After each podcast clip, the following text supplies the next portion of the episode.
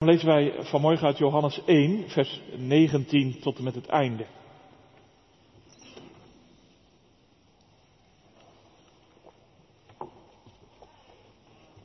Johannes 1, vers 19. En dit is het getuigenis van Johannes toen de Joden, priesters en levieten uit Jeruzalem stuurden om hem te vragen, wie bent u? En hij beleed en ontkende het niet, maar hij beleed, ik ben de Christus niet. En ze vroeg hem, wat dan? Bent u Elia? En hij zei, ik ben het niet. Bent u de profeet? En hij antwoordde, nee. Ze zeiden dan tegen hem, wie bent u, opdat we antwoord kunnen geven aan hem die ons gestuurd hebben. Wat zegt u van uzelf? Hij zei, ik ben de stem van een die roept in de woestijn, maak de weg van de Heere recht, zoals Jezaja de profeet gesproken heeft. En zij die gestuurd waren behoorden tot de fariseeën. En ze vroegen hem, waarom doopt u dan als u de Christus niet bent en Elia niet en evenmin de profeet? Johannes antwoordde hun, ik doop met water, maar midden onder u staat hij die u niet kent. Hij is het die na mij komt, die voor mij geworden is, bij wie ik het niet waard ben de riem van zijn sandalen los te maken. Dit gebeurde in Bethabara, aan de overkant van de Jordaan, waar Johannes doopte. De volgende dag zag Johannes Jezus naar zich toe komen en hij zei, zie het lam van God dat de zonde van de wereld wegneemt. Hij is het van wie ik gezegd heb, na mij komt een man die voor mij geworden is. Want hij was er eerder dan ik. En ik kende hem niet, maar opdat hij aan Israël geopenbaard zou worden, daarom ben ik gekomen om te dopen met het water. En Johannes getuigde, ik heb de geest zien neerdalen uit de hemel als een duif en hij bleef op hem. En ik kende hem niet, maar hij die mij gezonden heeft om te dopen met water, die had tegen mij gezegd, op wie u de geest zult zien neerdalen en op hem blijven. Die is het, die met de Heilige Geest doopt. En ik heb gezien en getuigd dat hij de Zoon van God is. De volgende dag stond Johannes daar weer met twee van zijn discipelen. En toen hij Jezus zag lopen, zei hij, zie het lam van God. En de twee discipelen hoorden hem dat zeggen en ze volgden Jezus. En toen Jezus zich omkeerde en zag dat ze volgden, zei hij tegen hen, wat zoekt u? En ze zeiden tegen hem, Rabbi, wat vertaald wil zeggen meester, waar woont u? Hij zei tegen hen, kom en zie. Ze kwamen en zagen waar hij woonde en bleven die dag bij hem en het was ongeveer het tiende uur. Andreas, de broer van Simon Petrus, was een van de twee die het van Johannes gehoord hadden en hem gevolgd waren. Deze vond als eerste zijn eigen broer Simon en zei tegen hem, we hebben de Messias gevonden, wat vertaald wordt als de Christus. En hij leidde hem tot Jezus. Jezus keek hem aan en zei, u bent Simon, de zoon van Jona, u zult Kefas genoemd worden, wat vertaald wordt met Petrus. De volgende dag wilde Jezus weggaan naar Galilea en hij vond Filippus en zei tegen hem, volg mij. Filippus nu kwam uit Bethsaida, uit de stad van Andreas en Petrus. Filippus vond Nathanael en zei tegen hem, we hebben hem gevonden over wie Mozes in de wet geschreven heeft en ook de profeten, namelijk Jezus, de zoon van Jozef uit Nazareth. En Nathanael zei tegen hem, kan uit Nazareth iets goeds komen? Filippus zei tegen hem, kom en zie. Jezus zag Nathanael naar zich toekomen en zei over hem, zie, werkelijk een Israëliet in wie geen bedrog is. Nathanael zei tegen hem, van waar kent u mij? Jezus antwoordde en zei tegen hem, voordat Filippus u riep, toen u onder de vijgenboom was, zag ik u. Nathanael antwoordde en zei tegen hem, Rabbi, u bent de zoon van God, u bent de koning van Israël. Jezus antwoordde en zei tegen hem, omdat ik tegen u gezegd heb, ik zag u onder de vijgenboom, gelooft u. U zult grotere dingen zien dan deze. En hij zei tegen hem, voorwaar, voorwaar, ik zeg u allen, van nu af zult u de hemel geopend zien en de engelen van God opklimmen en neerdalen op de zoon des mensen. Dit is het woord van God. De spits van de preek is vers 38 tot en met 40. En toen Jezus zich omkeerde en zag dat ze volgden, zei hij tegen hen, wat zoekt u? En ze zeiden tegen hem, rabbi, wat vertaald wil zeggen, meester, waar woont u? Hij zei tegen hen, kom en zie. Ze kwamen en zagen waar hij woonde en bleven die dag bij hem. En het was ongeveer het tiende uur. Schrijven boven de preek, bij hem blijven, bij hem blijven. Bij hem blijven. De gemeente hier, thuis, broeders die afscheid nemen, broeders die aantreden en opnieuw hun jaarwoord geven. Eerste indrukken. Ze zijn van groot belang. Ik las over een wetenschappelijk onderzoek. Er werd aangetoond als iemand hallo zegt en je hoort zijn of haar stem, dan heb je in een halve seconde je oordeel al geveld. Is de stem van een man nogal zwaar, dan schijnen de meeste mensen te denken dat is een dominante man. Bij vrouwen is het juist andersom. Als de stem van de vrouw nogal hoog is, dan schijnen de meeste mensen te denken dat is een dominante vrouw. Nou ja, voor wat het waard is natuurlijk. Maar eerste indrukken zijn in bepaalde situaties onuitwisbaar. Weet je nog? Die eerste keer, je zag die jongen, hij kwam aanlopen, hij keek je aan. Je zag dat meisje, hoe ze sprak, hoe ze lachte. Je was op slag verliefd. Het maakte zo'n indruk. Zo gaat dat nu eenmaal en zo is het gegaan. Ook bij deze discipelen, toen ze Jezus zagen aanlopen, toen ze hem in het oog kregen, toen hij tegen hen sprak voor de eerste keer, ze zijn het nooit meer vergeten.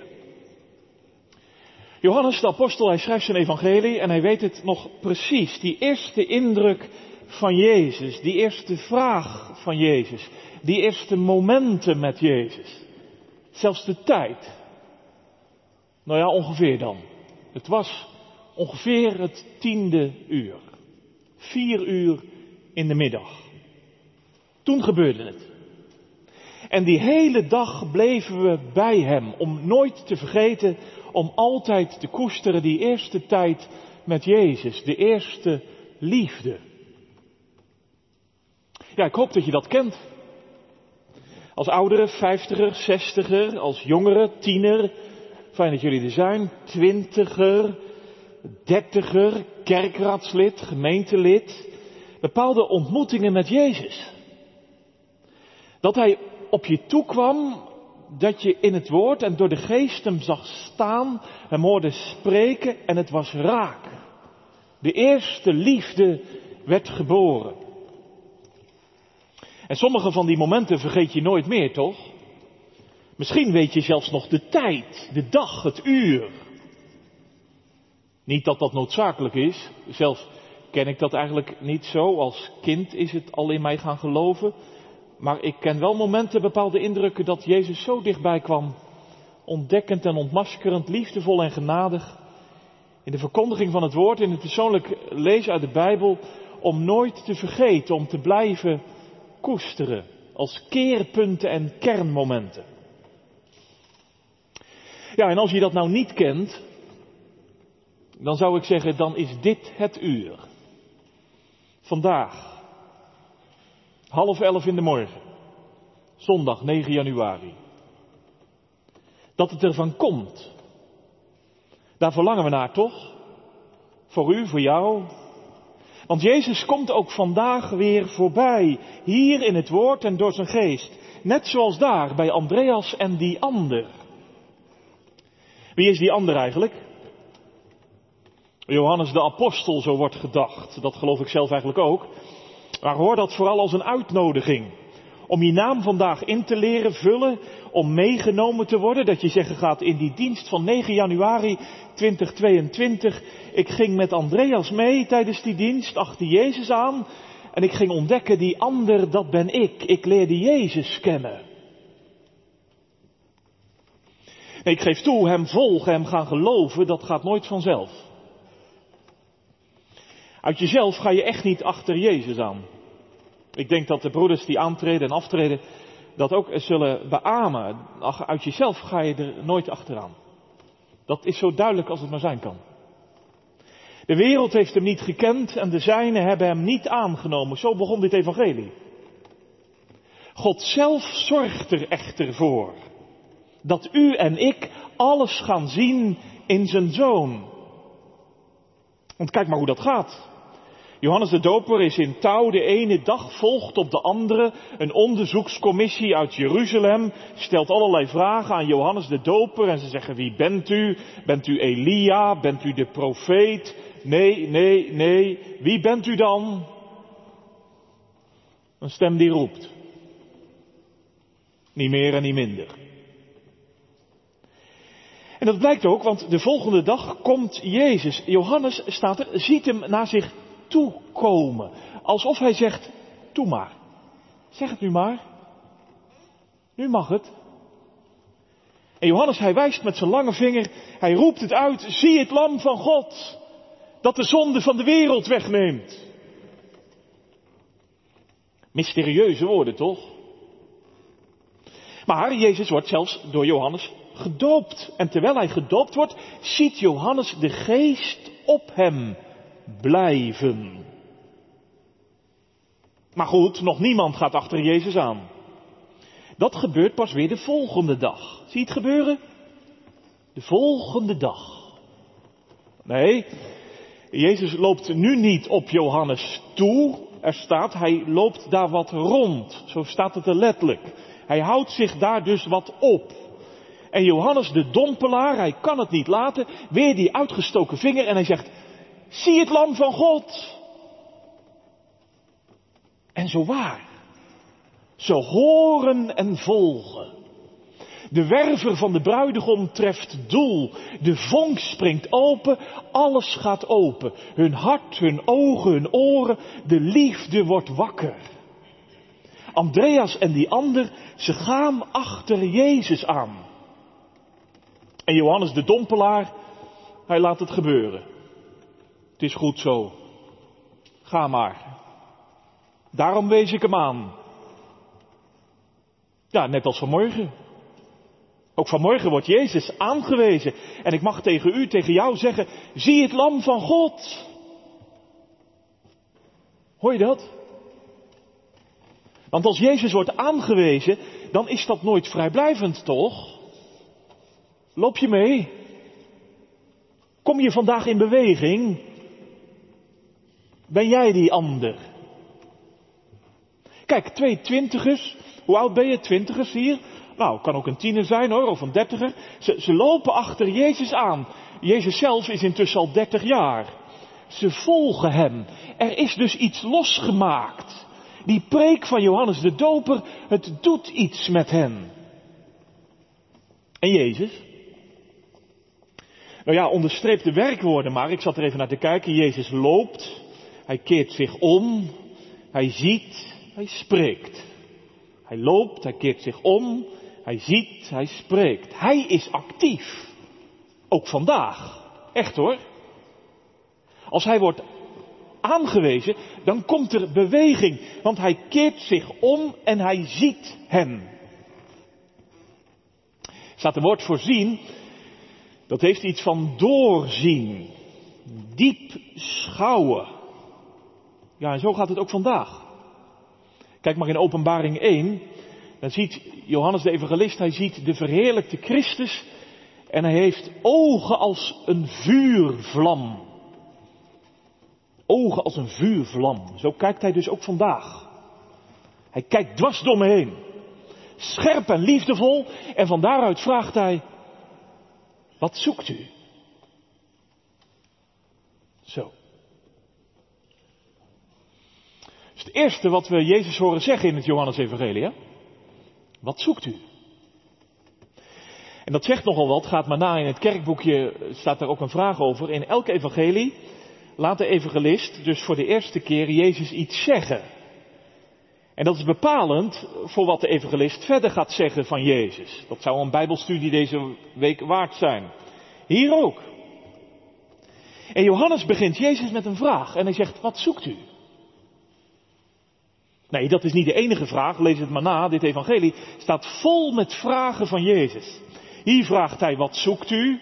Straks als hij gevangen wordt genomen, dan vraagt hij, wie zoekt u? Later als hij Maria in de graftuin ziet huilen, dan vraagt hij weer, wie zoekt u? Jezus vraagt. Waarom doet hij dat? Is dat zoals jij, je vult eh, vakken in de supermarkt en soms zie je mensen lopen en je zegt, eh, kan ik u ergens eh, mee helpen? Nou, gewoon aardig hè, niet meer en niet minder. Nou nee, dit moet je anders horen, dit is dieper. Deze vraag klinkt als, wat verlangt u? Het is geen gesloten vraag, hè, waar je nee of nee, waar je ja of nee op kunt antwoorden. Het is een open vraag. Ze wil je leven openen. Dat is een kunst apart. Op de opleiding kregen we uiteraard het vak pastoraat. En op zeker moment kregen we een college vragen stellen. Hoe stel je nu de juiste vragen, waardoor die ander echt open gaat? Allerlei adviezen werden gegeven. Stel geen gesloten vragen, stel geen waarom vragen. Ik denk dat de broeders die aantreden daar ook naar zoeken. Hoe stel ik nu de goede vragen, zodat die ander zich kan openen? En zo mag u hen ook ontvangen. Want deze broeders hebben iets op hun hart. Net als Andreas en die anderen. Ze komen om u te werven voor Jezus. Om je te leiden tot Hem voor het eerst en weer opnieuw. Om vragen te stellen die je hart openen. En broeders, ik zou zeggen, laten we deze vraag van Jezus dan maar meenemen om hem te stellen in de gemeente. Aan jongeren en ouderen. Wat zoekt u? Wat verlang je nou eigenlijk in je bestaan? Vertel het eens. Het is een vraag om ook eens te delen, hè? juist vandaag aan het begin van 2022, op deze zondag, dat je bij elkaar zit en zegt, joh, die vraag van Jezus waar het net over ging, wat geef jij daar nou voor antwoord op? Waar ben jij naar op zoek? Wat verlang jij in je leven? Een pastorale vraag. Jezus wil mijn leven openleggen en mijn hart ontgrendelen. Wat er in mij huist aan verlangens, aan twijfels, aan vragen, aan zoeken. Wat zoek je? En dat woord zoeken, dat komt steeds weer terug in dit evangelie. Ik zat daar even naar te kijken. Want even later zegt Jezus tegen heel veel mensen die achter hem aanlopen. En dan zegt hij, eh, ja jullie zoeken mij wel. Maar waarom eigenlijk? Om iets opzienbarends te zien? Is dat wat jullie zoeken? Jezus durft zelfs op een bepaald moment tegen zijn hordes te zeggen, jullie zoeken je eigen eer en niet de eer van God. Ontmaskerend, vind je niet? Want als ik eerlijk ben, dan onthult Jezus daar ook mijn eigen hart en leven mee. Hoe vaak draait het niet om mezelf? Ook juist in de kerk. En op zoveel gebieden meer. Het is zo'n diepe zonde, gemeente, om mijzelf te zoeken. En niet de eer van God, om mijn eigen eer te zoeken. Mijn eigen naam en mijn eigen wil. Subtiel of openlijk, herken je het? Want dan voel je dit mee vanmorgen. Hè? Dit is zo'n wonder dat die leerlingen achter Jezus aangaan. Dat ze Hem gaan zoeken, dat ze naar Hem gaan verlangen en Jezus hun hart wil openen. En zegt, jongens, vertel eens, wat verlang je nou eigenlijk? Waar ben je naar op zoek? Het antwoord van die leerlingen klinkt haast onbeholpen. Rabbi, waar woont u? Beetje klunzige wedervraag. Vind je niet? Jezus wordt aangewezen als het lam van God. Hij wordt aangesproken als rabbi. Met de wedervraag, waar woont u?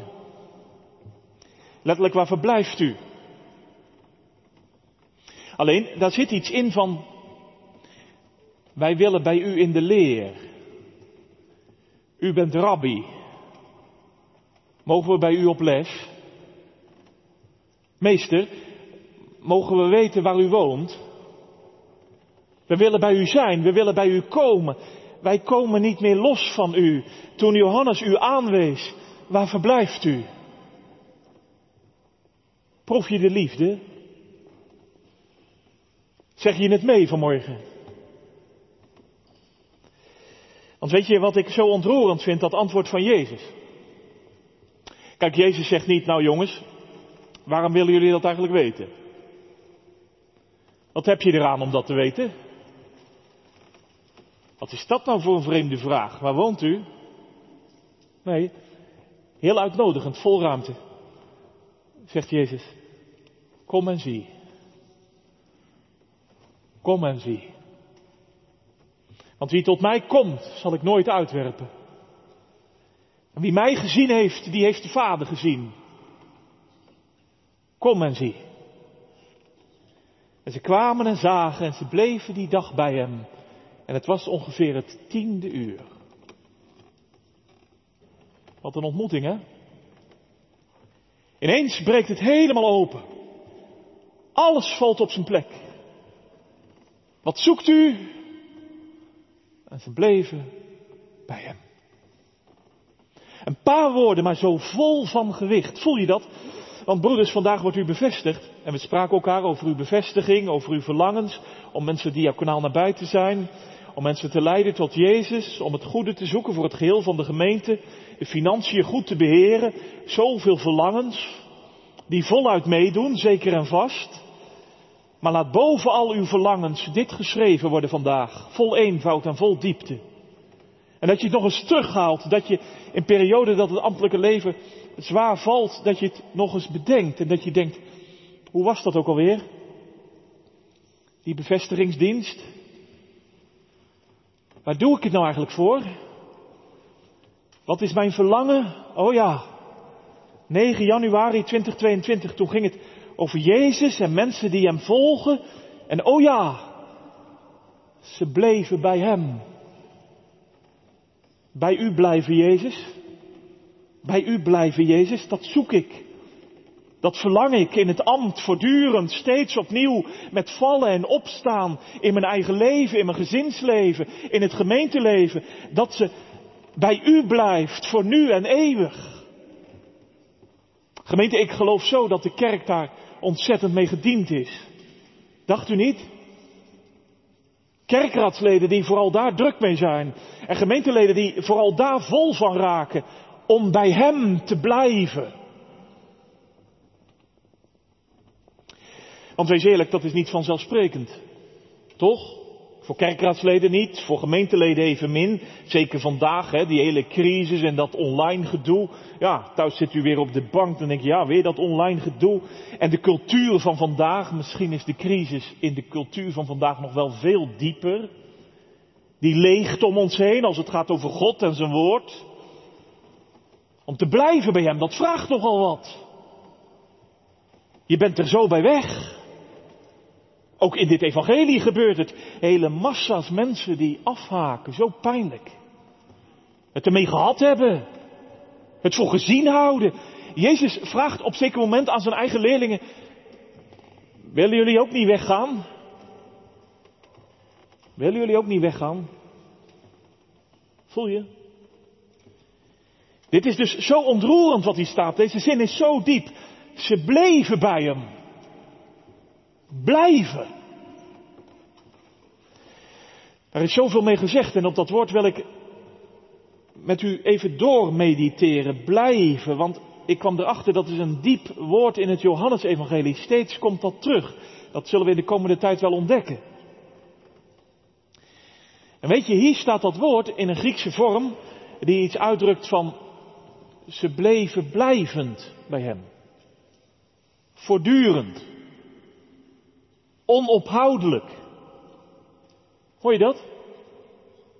Het is dus geen bevlieging, het is geen oprisping, even helemaal enthousiast, hè, een hoop tamtam -tam en veel kabaal, maar even later, ja, de bevlieging en de beleving is er weer uit. De kosten gaan een beetje stijgen, ja, klaar over. Nee, ze gaan niet meer weg bij hem. Ze komen niet meer los van hem. Ze raken verbonden aan hem. Ze krijgen hem lief. Ze gaan hem vertrouwen. Ze leren hem kennen. En dat werkt wat uit. Dat doet wat. Dacht je ook niet? Want Jezus die zegt, wie in mij blijft, wie bij mijn woord blijft, wie in mijn liefde blijft, die draagt veel vrucht.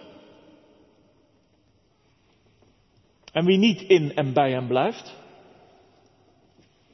Nou, lees het maar na in dit evangelie. Wie niet aan mij verbonden blijft, wel door het doopwater is heen gegaan, maar bij me weggaat en wegloopt, die wordt uitgehouden zoals de rank en in het vuur geworpen. Ja, dat zegt Jezus. Laat het je gezegd zijn. Juist in deze dienst. Maar hoor dan ook de stem van Jezus. Want wie wel tot mij komt, wie wel in mij blijft, Wie wel aan mij verbonden blijft, gelovig in mij wegkruipt, vertrouwend in mij wegduikt, ja, die draagt veel vrucht. En je ziet het gebeuren toch? Kijk maar, Andreas en die anderen, ze blijven bij Jezus en de vrucht komt als vanzelf. Er komt vrucht in hun leven vanuit dat blijven bij Hem.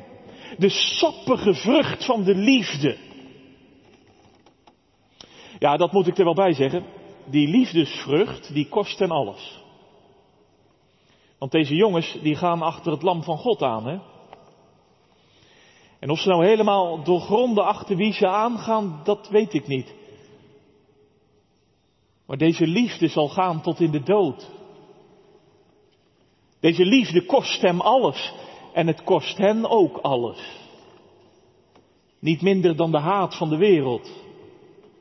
Een kruis door hun eigen plannen. Een opbranden in de liefdedienst van God en van de Vader. Broeders, daar moeten wij mee rekenen. Bij Hem blijven, dat is het beste. Maar het kost ons ook alles. Een liefde waarvan het einde zoek is. Een liefhebben van gemeenteleden en de mensen om ons heen. Tot in het abnormale. Liefde die afgewezen kan worden. Liefde die haat kan oproepen. Lees dit evangelie maar door. Alleen dit lam is het helemaal waard. Want die dag bleven ze bij hem.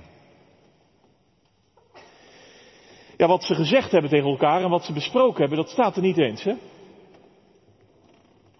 Maar zoveel is wel duidelijk, dat verblijf bij Jezus, dat heeft alles opengemaakt. Hun hart, hun ogen, hun oren, alles ging open. Kijk maar, die ene dag, Jezus werd aangewezen als het lam. Ze spreken Jezus even later aan als rabbi. En even later prijzen ze hem al aan als de Messias de Christus. Zie het gebeuren? Lam, Rabbi, de Messias.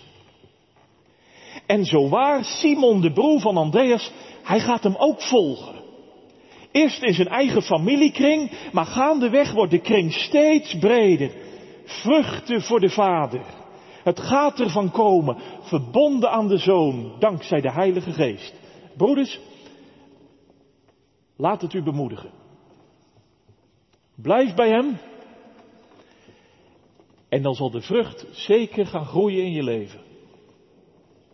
En gemeente, ontvang deze broeders als mensen die u zullen leiden tot Jezus. Zodat er een gemeente zal zijn en blijven in Ede. Die ook vandaag komt, ziet en blijft. Zodat er van deze kerkenraad en van de hele gemeente kan gezegd worden. Ook en juist in deze tijd. Ze bleven bij Hem. Ja, zeg je ja, ja, ja, maar is dat dan iets wat ik zelf moet doen? Bij Hem blijven? Misschien zit hier iemand, je komt in de bevestigingsdienst, je bent online verbonden. Eerder of als kind was je heel dicht bij Jezus, maar de laatste tijd, ja, om echt bij Hem te blijven, hoe kan dat dan? Ik ben zo makkelijk te bij weg. Ik drijf zomaar af. Hoe kom ik tot Hem? Hoe blijf ik bij Hem? Hier is het geheim. Twee woorden om diep in je hart te sluiten. Voor heel uw ambtsperiode. Luister. Bij Hem. Bij Hem. Ze bleven bij Hem. Daar ligt het geheim. Niet in mijn eigen power. Niet in mijn eigen volgen. Niet omdat ik zo volhardend ben. Niet omdat wij er tenminste echt voor gaan. Nee, bij Hem. Hij doet ons komen en blijven. Want Hij is degene op wie de geest bleef. Hij zal als het lam van God de Vader lief hebben tot het einde. Hij zal gaan uit liefde voor alle die van hem zijn. Zijn liefde kost hem alles. Het kost hem echt alles. Maar hij doet het. Hij heeft lief tot in het abnormale gemeente. Dit lam van God heeft lief tot in het abnormale. Want hij legt zijn leven af. Voor mensen die van huis uit hun eigen eer zoeken. Hij laat zich als een lam slachten. Voor mensen die in hun leven zo druk zijn met hun eigen wil en wet. Hij geeft zich helemaal voor zijn schapen. Dat doet Jezus, gemeente. Dat doet de Christus, die zich ook vandaag vinden laat. Want gemeente, deze Jezus, hij heeft de trooster gezonden, de geest van de waarheid. En die geest wil ook in 2022 broeders roepen in de gemeente om vrucht te dragen voor Hem. Om zich helemaal te geven voor de Vader en zijn gemeente. Om te dienen. Om het lam te volgen en aan te wijzen. En al kost het ons alles, ons leven, onze eigen eer, onze eigen wil, ons eigen plan. Als de Vader maar in ons leven geëerd wordt. En de Zoon wordt aangewezen. Zodat de Geest zal werken. Die Geest die ook in dit jaar een gemeente midden in Ede scheppen wil. Die heel eenvoudig, maar tegelijk ook zo diep bij Hem zal blijven, gemeente. En al kost het Hem de haat van de wereld. Al snappen velen er niks van. Misschien ben jij op de opleiding ook wel, hè? Dat ze zeggen, blijf je daar echt bij? Je bedoelt echt die kerk. In het centrum van Ede. Blijf je erbij? Ga je toch niet menen? Ja, ik meen het wel. Ik blijf bij hem. Want ik heb zijn stem gehoord in die oude kerk van Ede. Hij riep me. Hij werd me te sterk. De vonk sprong over. Toen hij tegen me zei, kom, kom en zie. Hoor je dat? Ook vanmorgen? Ja, hij bedoelt jullie ook, hè? Hij bedoelt jou, die op de bank thuis mee zit te kijken. Hoor je dat? Kom en zie. Heel persoonlijk, hier en nu. Kom en zie. Want wie tot mij komt, zal ik nooit uitwerpen. En wie mij gezien heeft, die heeft de Vader gezien. Kom dan en zie. Want dat wordt gehoord. En waar dat wordt gehoord door de macht van de geest en door de kracht van het woord. Daar gebeurt het ook vandaag, gemeente. Ik geloof het zo vast. Daar komen mensen ook vandaag, jongeren en ouderen, tot het lam van God. Met al hun zonde en schuld. Met al hun zoeken en verlangen. Ze kwamen en zagen. En ze bleven bij hem. En het was ongeveer elf uur. Onvergetelijk, toch? Die eerste of zoveelste ontmoeting met Jezus. Ze doet me vandaag zingen en zeggen, laat me in u blijven, blijven groeien, bloeien, zodat ik het lam zal volgen waar het ook heen gaat. En u nu en eeuwig zal eren en dienen, omdat u het, omdat u het hebt gedaan. Amen.